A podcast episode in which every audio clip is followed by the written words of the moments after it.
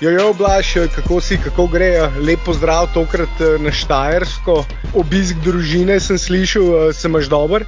Ja, ja, fajn je, malo je vroče, ampak sicer je pa zelo lušno. Ja, vroče je povsod, zdaj le v Ljubljani, po mojem, še huje, tako da je dobro pobegati malo na podeželje tukaj je kar velik zelenja, tako da se pol kar mal porazgubi ta vročina, ampak eh, ja, na betonska džungla pa vem, da naredi svoje. Pa še ni toliko betonska džungla, si predstavljaš, a veš, una vele mesta po svetu, Tokio, o katerem bomo danes spet nekaj rekli z današnjim gostom in eh, podobna vele mesta po svetu. Sva imela zopet eno super debato s Tilnom Jamnikom, novinarjem MMC-evega portala, portala od RTV Slovenija. On je v Tokiu spremljal celoten eh, košarkarski turnir, eh, debata z njim je bila pa kot eh, že pred začetkom kvalifikacij za olimpijske igre, ko so z njim imela res eno super debato in jo lahko najdete v našem arhivu, je bila zopet blašana, da fantastična. Tako je, um, predvsem je bil zanimiv tisti del, ko je razlagal o tem, kako je dejansko potekalo delo novinarja na olimpijskih igrah z vsemi restrikcijami, COVID in vsemi temi stvarmi, tudi za njih posebno doživetje, recimo temu, in pa seveda vse o tisti košarkarski reprezentančni pravljici, ki so jo spisali naši fantje in uh, ja, bila je super debata, res. Tilen je dal en res tak zanimiv pogled v zakulisje dogajanja v ozadju teh res specifičnih olimpijskih iger zaradi teh restrikcij tudi delo novinarjev ni bilo lahko. Za konec eh, pa, poleg te košarkarske pravljice, tudi nekaj o prihodnosti eh, košarkarske reprezentance. Tako da ni, da ni, eh, kot ti ponavadi rečeš, blaš, Preden pa začnemo s podcastom, bi samo povabil poslušalce, da všečkajo tale posnetek na YouTubu, oziroma da ga všečkajo kjerkoli ga pač poslušajo, na Google podcastih, Spotifyju, SoundCloudu, kjerkoli pač že. In pa tudi, če pustite kakšen komentar, radi preberemo. Tudi, če se ne strinjate z nami, kar napišite, pa seveda, če še niste, da se naročite na YouTube kanal ali pač na Spotify, SoundCloud, kjerkoli nas pač poslušate. Vsak teden vas je več in res smo veseli, da lepo skupaj rastemo in uh, da nam na ta način pomagate pri našem delu. Pa zdaj, ko si omenil uh, tisto, kar moramo omeniti, preden začnemo s podcastom, brez česar na družbenih omrežjih ne gre, všečki naročnine, je najbolje, uh, da kar začnemo z pogovorom, ki so ga posnela z Tilnom. Tako je. Veselo na delo.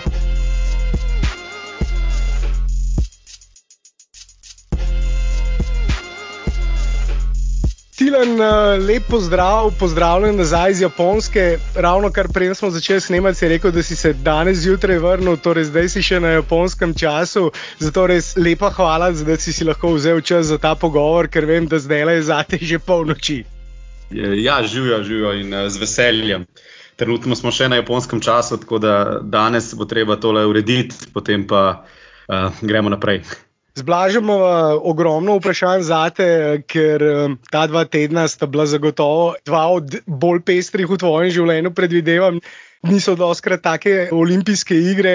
Pa me zanimajo tvoji vtisi, generalno, ne samo bomo potem tudi o košarkaših, seveda, več rekli, ampak kako je bilo tam, kako si se imel, tvoji vtisi po povratku, naporno, vsekakor, ampak poleg tega, Olimpijske igre, mislim, da za vsakega športnega novinarja so nekaj posebnega, ne, vendar je to največji, da rečemo, dogodek, praznik športa, nekako lahko rečemo, ali pa festival, ne, zbrani so najboljši športniki iz celega sveta in je to definitivno nekaj posebnega. Dejansko so pa bile te igre no, drugačne, seveda v prvi vrsti zaradi um, še vedno prisotne pandemije COVID-a. Um, Japonska oziroma Tokio, no, predvsem Tokio je še v primežu tega virusa razglašene so bile te izredne razmere za mesto in um, dejansko naj bilo potrebnih veliko nekih um, spoštovanja ukrepov in omejitev, ki so um, oteževala delo in na določene trenutke tudi mogoče poskrbele oziroma uh, bile krive za kakšno slabo voljo. Sicer pa vedno je fajn, no, ko se vrneš po takem projektu domov. Um, mislim, da smo nasplošno, no, če govorim o slovenskih medijih ali pa o naši hiši, upravili dobro s tem projektom. Uh, ogromno je pač seveda dela narejenega in nekako, ja, vtis za enkrat, siguren, nisem še posebno zbral misli, ne ravno dejansko skoraj neposredno z letala. Ampak uh, bilo je zelo pestro, um, veliko nekih dejavnikov, ki jih sicer na velikih športnih dogodkih nismo vajeni, uh, so pa popestrili tudi slovenski športniki s svojimi dosežki in presežki. Zdaj omenijo si, da je bilo zelo naporno tam. Ne? Pa me zanima, kak je bil recimo tvoj tipičen delavnik. Uh, vem, da z vsemi temi korona ukrepi in vsem tem, mislim, me zanima, kak je bil recimo dostop do prizorišč, uh, koliko si dejansko imel tam možnosti se gibati na okol, um, ne na zadnje, koliko si dejansko imel stika z recimo samimi športniki na prizorišču, ali je bilo to zelo omejeno, zelo, par ste jih bolj gledali nadaljavo, ali kako je bilo to. Zdaj, kot sem rekel, da je bilo pač ogromno teh nekih omejitev in ukrepov, so bile že recimo sami te postopki za prihod na Japonsko. Ne. Je bilo ogromnih nekih formularjev za izpolnjevati, pa jaz sem tudi omenil v teh nekih člankih svojih, oziroma svojih teh poročilih, da pa smo mogli imeti posebne aplikacije in tako naprej, ker je bilo nek, nek, neko beleženje eh, zdravstvenega stanja, pa stikov in tako naprej, in v glavnem pa nenehna testiranja za vse udeležence.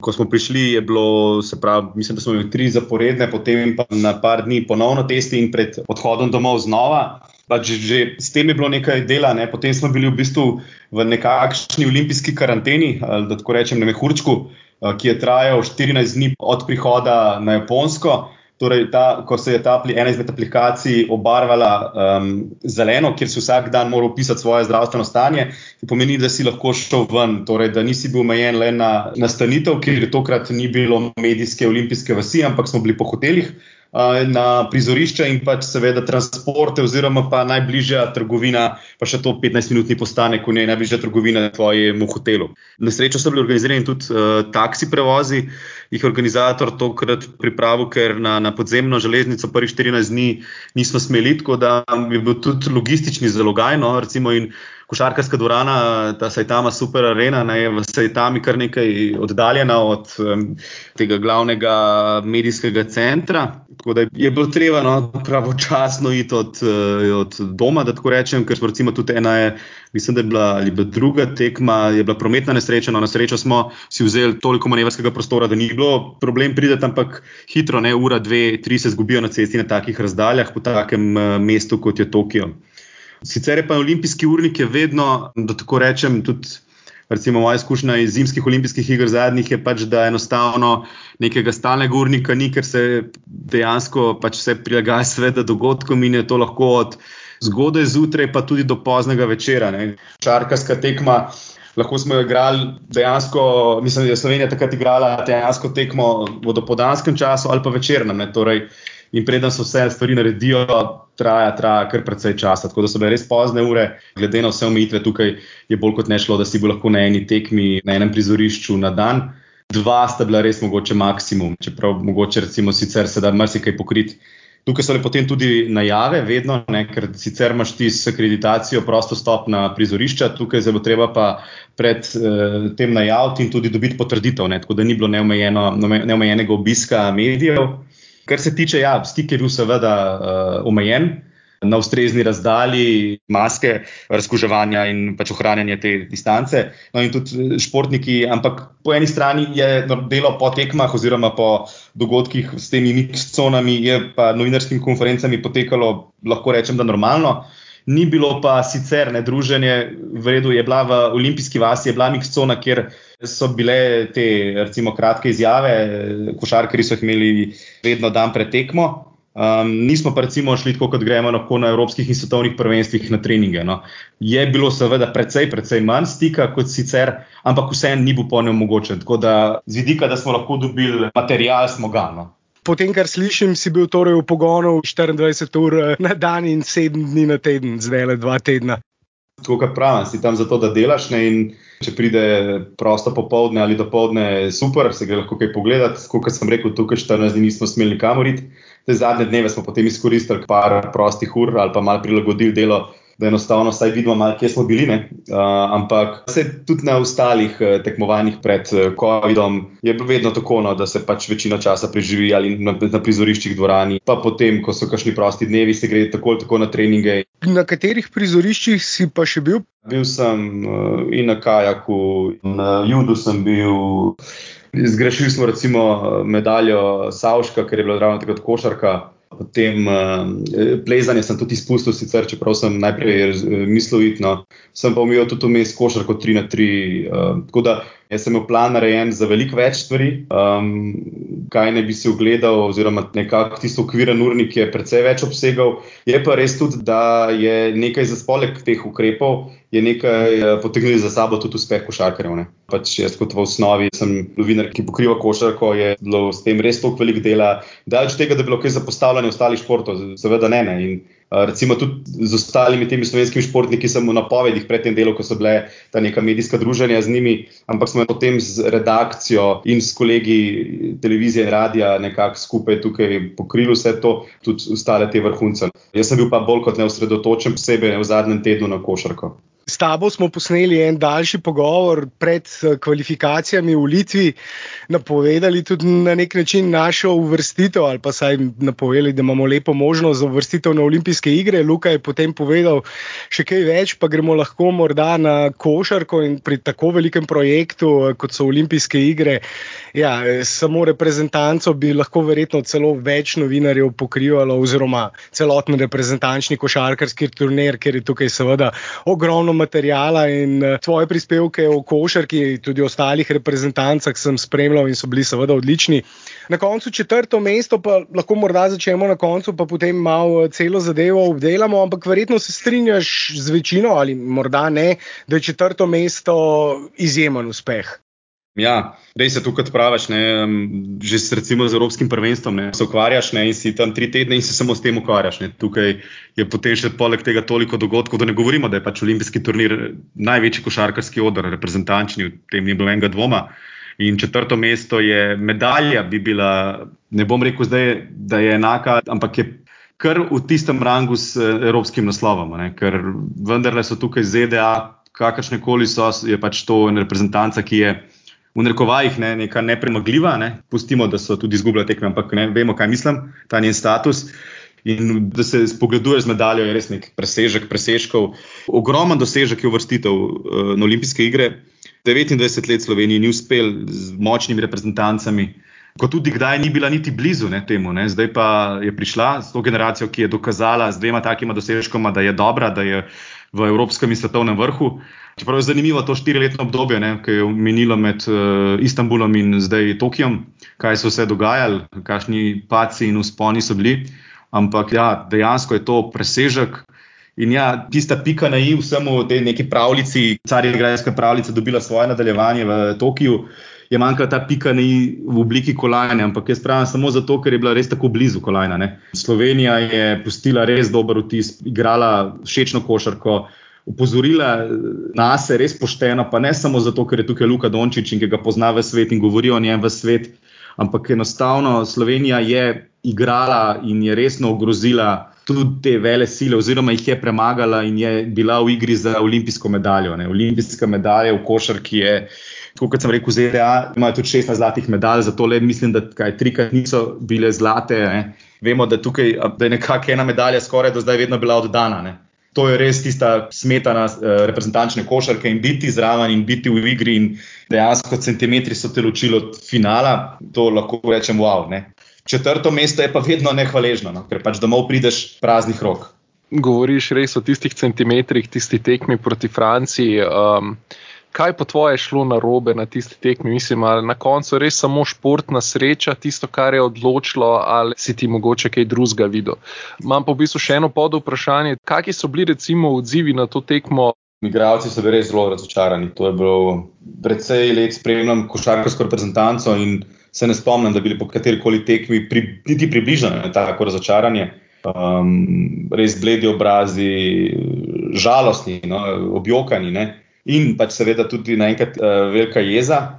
Jaz mislim, da pač težko rečemo, ne, da je zadnja akcija, čeprav odloči zmagovalca, ali res je bila to odločilna, odločilna da na tekmi, ne, vendar se igra 40 minut, noben ni tekme zmagal prvi, ne v drugi minuti. Nekako ne vem. Meni se Slovenija, Slovenija ni odigrala dobre tekme, oziroma ne ni igrala dobre tekme, ni odigrala tekme, kakršnih je prej odigrala. Res je tudi, da je nasprotnik bil to takrat najboljši, zelo neugodna reprezentanta, kar se mi zdi eh, za Slovenijo, ne, ker je Francija z Goberjem fajn zaprla raketo. Tisto akcijo sem pogledal res in ne vem. Jaz sem jo sanjal, pa ja. verjetno veliko slovencev, tako kot Klemen.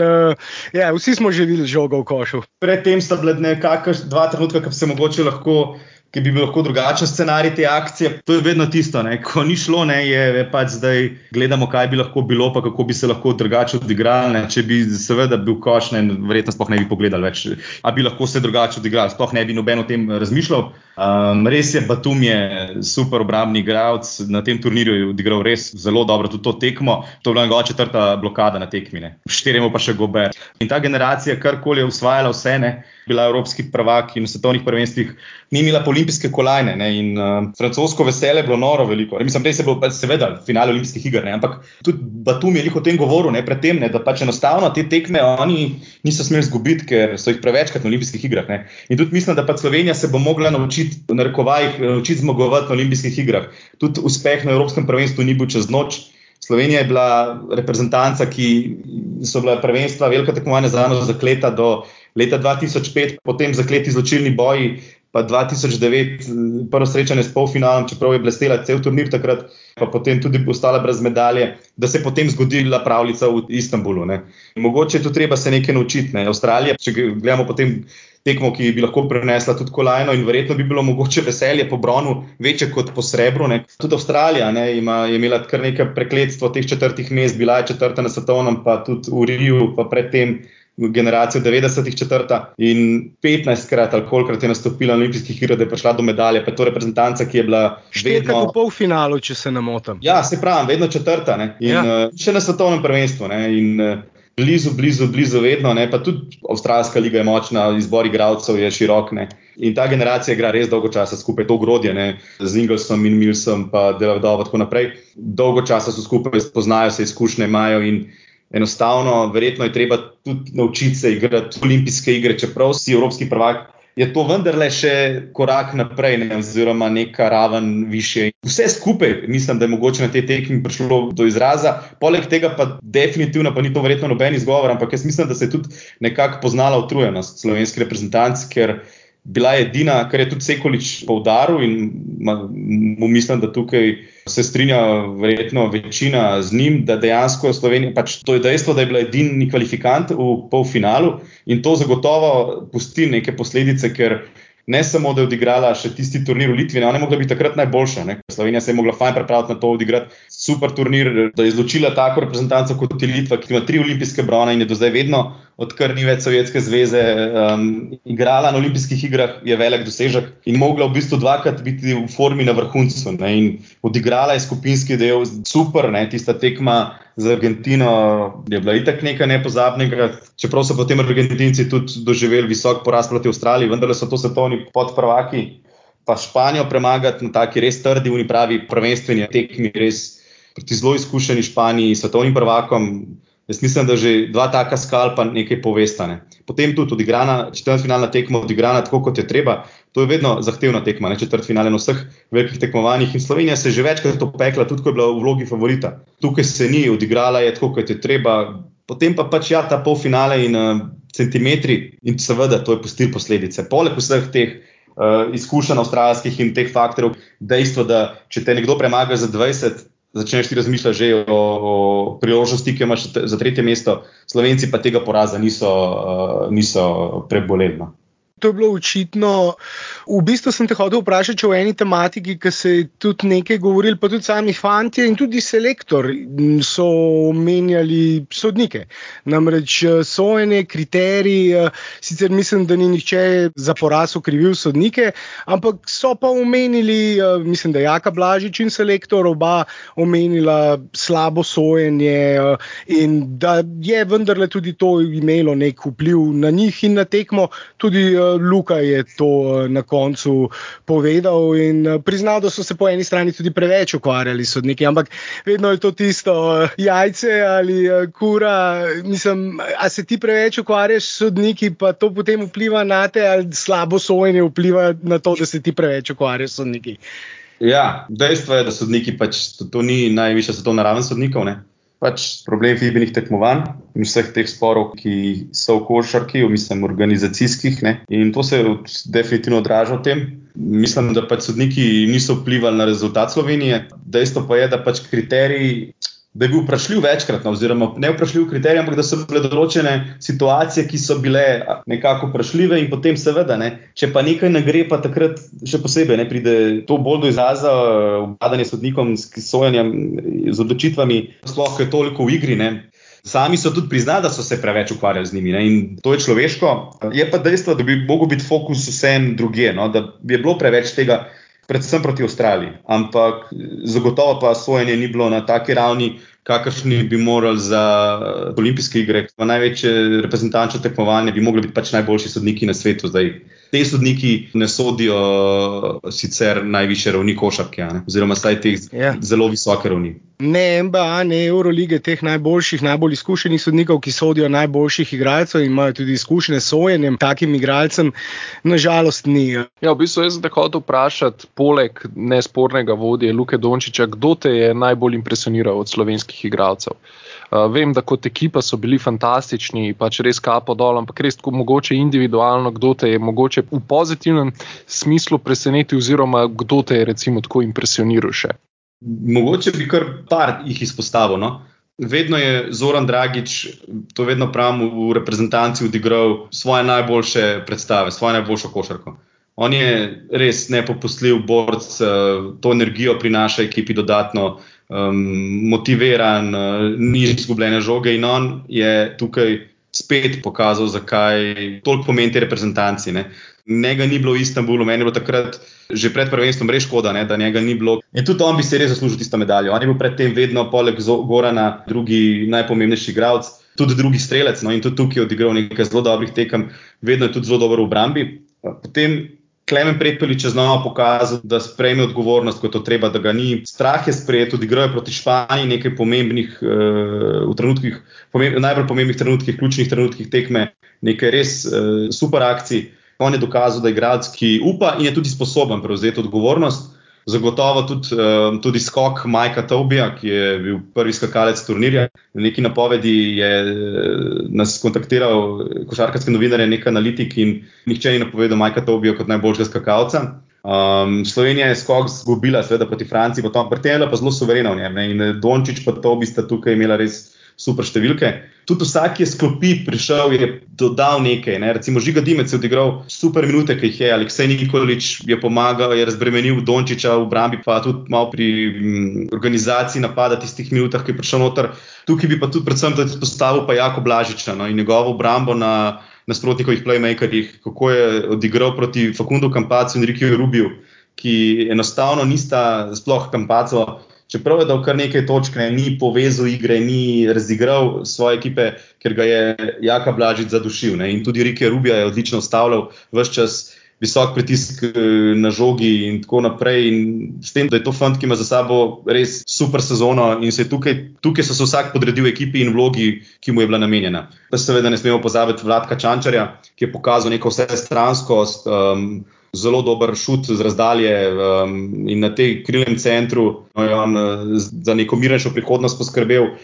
Edo Murič pa svojo, podobno kot Zoran Dragič, v obrambi neko borbenostjo, s katero je predvsem navdušil na Litvi, ne v tistem finalu, kako se je boril in s Bonisom in tudi na trenutke z Valenčunasom, sta seveda oba više od njega, teže in tako naprej, pa jih je zrinil z rakete. Mislim, da nihče ne bom rekel, pa, da, da je kdo izmed njih razočaran. No. Vsi so odigrali ali pa svojih zmožnostih, oziroma jih presegli. Luka Dončić je pa vse to povezal s to svojo neko genialnostjo v neko celoto in pač blestev, kot blesti. Spomnim se že Eurobasket 2017, pa potem tisti Final Four v Beogradu, posod se govori o njemu, ko sem bil jaz recimo takrat na parih NBA tekmah njegovih, se je bil vedno tema tudi dogajanje na drugih tekmah, no, ko ni dala si igral in tukaj je spet glavna tema, oziroma ena izmed glavnih tem je bil Luka Dončić ne, in pač odigral super turnir, na koncu četrto mesto, ki je kot pravim, še vedno fantastično, žal pa ni tiste žlahtne nagrade, ki bi bila pa res neka nagrada, nadgradnja vsega. Ja, če bi uh, dobili medaljo, bi bil uh, Luka tudi MVP. Mislim, da brez dvoma, glede na njegove številke, so bile toliko boljše od KD-jevih, uh, ali pa vsaj, če bi Slovenija prišla v finale. Bi te vprašal samo za zaključek tega pogovora. Še Luka je namreč uh, po turnirju tudi potrdil, da bo še naprej igral za reprezentanco in pravzaprav že napovedal, da bo slovenska reprezentanca naslednje poletje poskušala obraniti naslov uh, evropskih prvakov. Zdaj prihajajo tri poletje poletja, tri turnirji, Evropsko prvenstvo, svetovno prvenstvo, potem pa spet olimpijske igre v Parizu. Kaj misliš, kako daleč lahko poseže ta reprezentanca, lahko obrani naslov evropskih prvakov in lahko potem na svetovnem prvenstvu in olimpijskih igrah poseže po medaljah, če se bomo seveda tja uvrstili, kar je pa zdaj že spet ena dolga topika, ki bi jo morali obdelati v posebnem podkastu, kvalifikacije FIBI na okna. Konec koncev so tudi sodniki s tem povezani, oziroma kvaliteta sodnikov, ki sodi na teh turnirjih. Tako da bi te sam za reprezentanco še vprašal ja. za konec in to postavljati postavo, to ekipo in njen domet. Z Luko Dončičem je pač mogoče marsikaj. Ne? To dokazujete tudi te dve eh, veliki tekmovanja, ki jih je odigral. Seveda je bil v Istanbulu v glavni vlogi Goran Dragič, ampak je Luka Dončić pomemben delež prispeval, zdaj pa sploh. No. Mislim, da z njim je marsikaj mogoče. Bo pa že naslednjo Evropsko prvenstvo, že skupinski del. Bo. Slovenija bo igrala v Kelnu z uh, Litvo, ki bo zagotovo super motivirana proti Sloveniji, s Francijo, ki bo yeah. Ja. nek spektakel z Nemčijo. Uh, ta skupina bo, mislim, to je, je že, ko sem sledil žrebu, je bilo pač re, res, kako se je to žrebalo, ne tako si rečeš. Ne, ker pač Nemci niso toliko kalkulirali kot nekateri, recimo Italijani so fajn lepo zbrali, ne, da so si, bom rekel, narekovajih lahkega zbrali pač Nemci so gledali drugače in ta skupina to bo res ne. In še te povezave, vse zaradi tekem zadnjih let, bo zelo, zelo zanimivo. In um, ja, ampak je marsikaj mogoče. Treba vedeti, da Luka Dončić bo imel za sabo še eno sezono igranja na najvišji ravni, oziroma še eno sezono vrhunske košarke za sabo, Vladko Čančar, prav tako leto starejši, mogoče še z več minutami. Tudi ta ogrodje izkušenih niso stari, ne.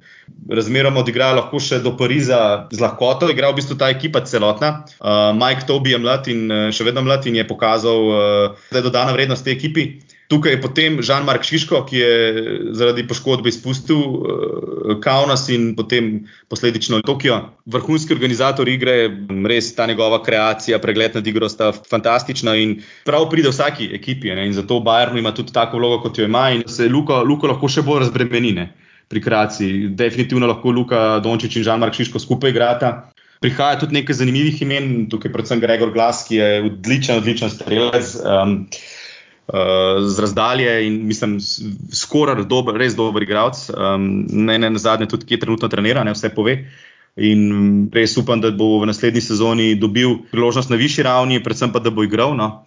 Prihaja še nekaj zelo zanimivih imen, ampak tudi nekaj višine z Ščuko in Cijanjem. Uh, U20 je uh, selekcija usvojila turnir, U18 je usvojila turnir, potem je tu v zadju še Klaužar v Madridu, ki dobro dela. U20 reprezentanta, ki je usvojila ta turnir, ni bilo prvega pleja, Samarja je zaradi poškodbe. Je zagotovo kar nekaj potencijala, ni zdaj tako širok izbor, kot je bila Slovenija, recimo 15 let nazaj. Je pa nekaj zelo, zelo zanimivih imen, ki lahko še okrepijo to ekipo, oziroma če bo se kdo od teh starejših pa poslovil, se ni zabatno, da ne bi kdo skočil. Je pa ja, recimo, zdaj govorimo o treh reprezentančnih akcijah, ampak že na svetovno prvenstvo se bo treba uvrstiti. Vemo, kako je bilo za prejšnjo svetovno prvenstvo, verjamem, da bo zdaj drugače, ampak vseeno, na svetovno prvenstvo se je teže uvrstiti kot na evropsko, seveda to pa prinaša potem tudi olimpijske igre. Zato je tudi poleg tega bo spet zelo, zelo pomembna vsaka tekma zaradi Fibinga, Fibine lestvice. Ne, in, um, Samo tako se lahko dobi mesto na kvalifikacijskem turnirju, če že ne gre se drugače na, na olimpijske igre kjer bo selekcija spet huda. In verjamem pa, da ja, z Luko Dončičem je marsikaj mogoče tudi spet v Aziji, ne, ki bo Indonezija, Filipini in Japonska. Vedno si lahko igri za medaljo na tako ekipo, kot je ta. Ker je dokazala že s tem, koga vse je premagala. In um, seveda bi bil pa nek sanski, mogoče zaključek, pa res te zgodbe, te generacije, ki tvori pa v jedro vseeno, ne, Blažič, Dragič, Prepelič, Murič, pa mogoče res Pariz. Zdaj medalja, olimpijska medalja se ne more, ne more napovedati. mislim, da nihče razen ZDA. Ampak Evropsko prvenstvo, to je res tak presežek, da že če bo Slovenija v konkretni igri za medalje, mislim, da bo to velik dosežek. Ja, Luka Dončić je pa tak zmagovalec in tak, eh, tako motiviran in meni je ravno ta njegov odnos do dresa reprezentance res presenetil, oziroma kar mal nisem navdušen, ker um, on res hoče nekaj, mu to veliko pomeni in verjamem, da bo na vseh teh akcijah, ki prihajajo, ravno tako motiviran, kot je bil zdaj. In potem pa ja, zakaj pa ne tudi kolajne na velikih tekmovanjih. Je pa glede na to, kaj je Slovenija zdaj usvojila, vsaka kolajna je svoj menik in svoj zgodovinski dosežek. Ja, mislim, da se preprosto mnogi ne zavedajo, kaj pomeni četrto mesto na olimpijskih igrah, še posebej, ko potem vzamemo upoštev našo majhnost, naše vse težave, ki jih imamo eh, v, Sveda, na klubskem nivoju. Moč lige in tako naprej. Tako. Pa, ja, pa izbor igralcev, kakšen nabor je tukaj igralcev. Ekipa je zelo dobra, ampak. Ne, je čudež, da imamo take igralce. Recimo, da bi se zgodil tako, kot se je Nemcem zgodil. Ne? Pri nas je odsotnost vsakega zelo, zelo poznane. Po polni postavi pa sodi Evropski vrh. Nedvomno in mislim, da so te olimpijske igre tudi dokazale, da če bi zdaj, ko smo malce načeli to temo kvalifikacij in vseh teh problemov, če bi se uvrstili na zadnje svetovno prvenstvo in tam igrali v tej isti postavi, morda še takrat z Goranom, da bi lahko posegli po zlatu. Nedvomno. Nihče ne more po teh olimpijskih igrah reči drugače, glede na to, da smo premagali oba finalista zadnjega svetovnega prvenstva, sicer je že malce bolj ustarele, ampak ni pa, da so bili ravno tam mladeniči na dve leti nazaj. Ja, pa tudi premagala in tretji in četrti nas. ja, ja, to pa tudi ja. res. To pa tudi res, to pa kaže, kako globalen šport je košarka, kako razširjen je na vseh kontinentih. Konec koncev smo videli preskok, ki ga je letos naredila Nigerija in eh, tudi tam eh, na afriškem kontinentu je ogromno talenta, oh, neizkoriščenega talenta in potencijala še na vseh kontinentih, pravzaprav konec koncev samo v, na kitajskem je 200 milijonov rekreativnih igralcev košarke, pa njih hudič, da ne bojo prej ali še enega javnega ustvarjali, ali pa mogoče dva, ali pa tri, ali pa štiri. Ja, in mi smo tukaj zraven, kar je pa res eh, čudež. Blaž, uh, bi še ti kaj zdaj le smo reži v bistvu presegli. Čas... Mislim, da smo kar vse lepo obdelali. Tilan, jaz bi se ti rad zahvalil, da si si vzel čas, še posebej, ker si danes priletel z Japonske. Tako da hvala uh, in upam, da bomo kmalo udarili še kakšno debato, um, mogoče ne v olimpijskih igrah, pa v kakšnem bolj tako športu. Basket to vsekakor blaži. Se ve, ampak mislim, ne, več o, ne toliko več o olimpijskih, mogoče pa o ja. kakšnem bolj tako, uh, kakšni klubski košarki, abali. Ja, Euroliga. Hvala vama no, za povabilo, vedno uh, znova prijeten uh, pogovor in um, res uh, minute so, ker smo jih imeli danes, res precej manj na voljo, ne, ekspresno minile. No, tako da hvala še enkrat. Ja, hvala te, za, ne samo za to, da si se pridružil, ampak tudi za tvoje prispevke iz Japonske, eh, ki sem jih, se sem že omenil, z užitkom prebral. Vseh, celoten košarkarski turnir si res eh, odlično pokril eh, na MMC portalu, RTV portalu. Tudi jaz se ti tako kot Blaž zahvaljujem, da si si vzel čas in upam, da se bomo ja, v priliki k malu zopet slišali. Ja, okay. Adijo. Adijo, adijo, čau. Živijo, čau.